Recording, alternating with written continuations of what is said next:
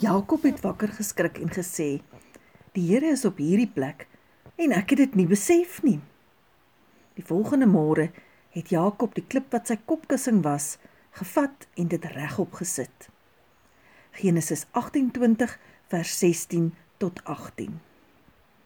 Net die engele en almal wat in die hemel is, sien, voel en hoor God elke oomblik. Ons hier op die opgevoeterde aarde mag maar eerlik wees. Hy voel ver, stil, afwesig en onbetrokke, veral wanneer dinge vir ons skeefloop of ons daar net te vol is. Vir die mense in die Bybel was die hemel ook ver. Dink maar aan Jakob. Hy vlug na sy oom Laban. Die klein twak het sy pa en broer bedrieg en nou moet hy alleen reis. Maar dan droom hy van engele in 'n leer na die hemel. Wanneer hy wakker word, weet hy: Die Here reis saam met my.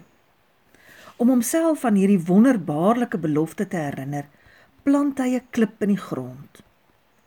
Iets wat hy en almal wat na hom daar verbykom kan sien, kan aanraak en oor kan praat.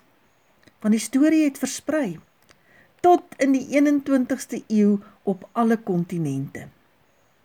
Dis maar een plek in die Ou Testament waar ons kan lees hoe God iemand wat in die moeilikheid was, verras met 'n belofte. Hy is teenwoordig, bereikbaar, beskikbaar.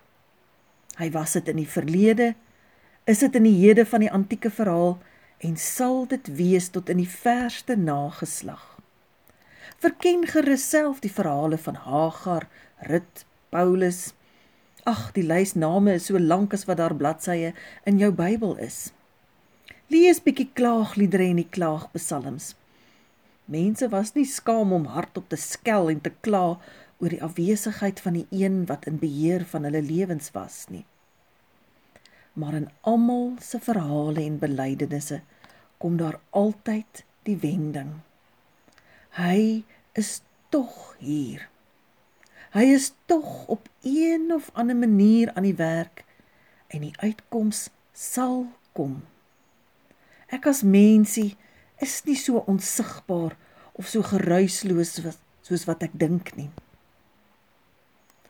Die beloftes in die woord is ook vir jou waar.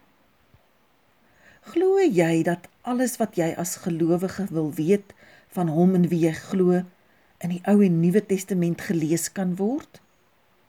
Indien wel, moet jou verstand dit weet wat jy nie kan beleef met jou sintuie nie.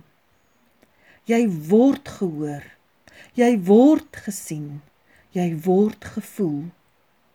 Al voel, hoor en sien jouself niks nie. Jakob het nog nie geweet van die groot versoening tussen die Vader en sy kinders nie.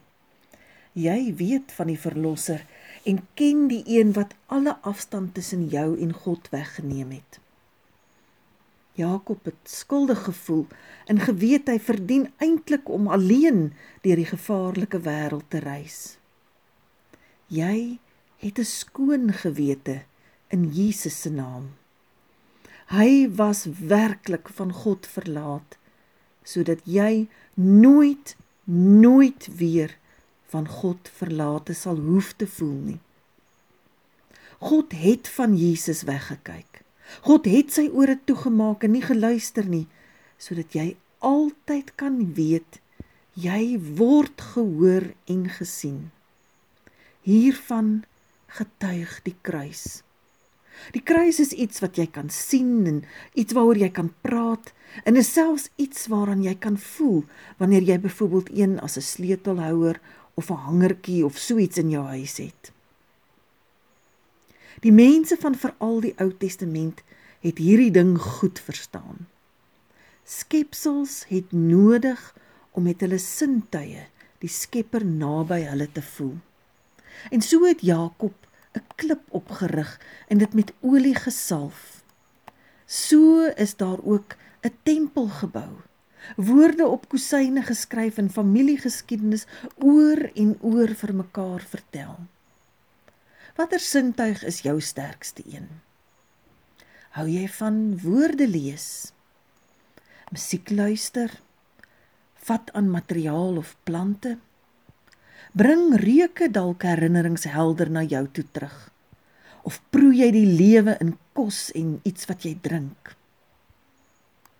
Rig dan jou eie unieke klipteken op om jou te herinner aan die beloftes van sy beskikbaar wees vir jou. Hier is net 'n paar voorbeelde. Skryf oor die kere toe jy gehelp is na jou noodkreet. Gaan soek na briewe uit jou familie waarin iemand vertel van hulle geloof. Stuur jou skryfwerk vir jou geliefdes of bære dit net vir jou stilte tyd. Praat met jou mense oor wat jy ervaar en beleef. Maak jou hart oop en skep die ruimte waarin ander ook kan eerlik praat. En so hoor jy troos en sekerheid by jouself en by ander mense. Gaan stap in jou omgewing of in jou tuin en kies 'n boom, 'n rots of sommer net 'n plekkie wat jou hier is God ruimte kan word vat aan die boom. Streel oor die rots of gaan sit op die heilige grond.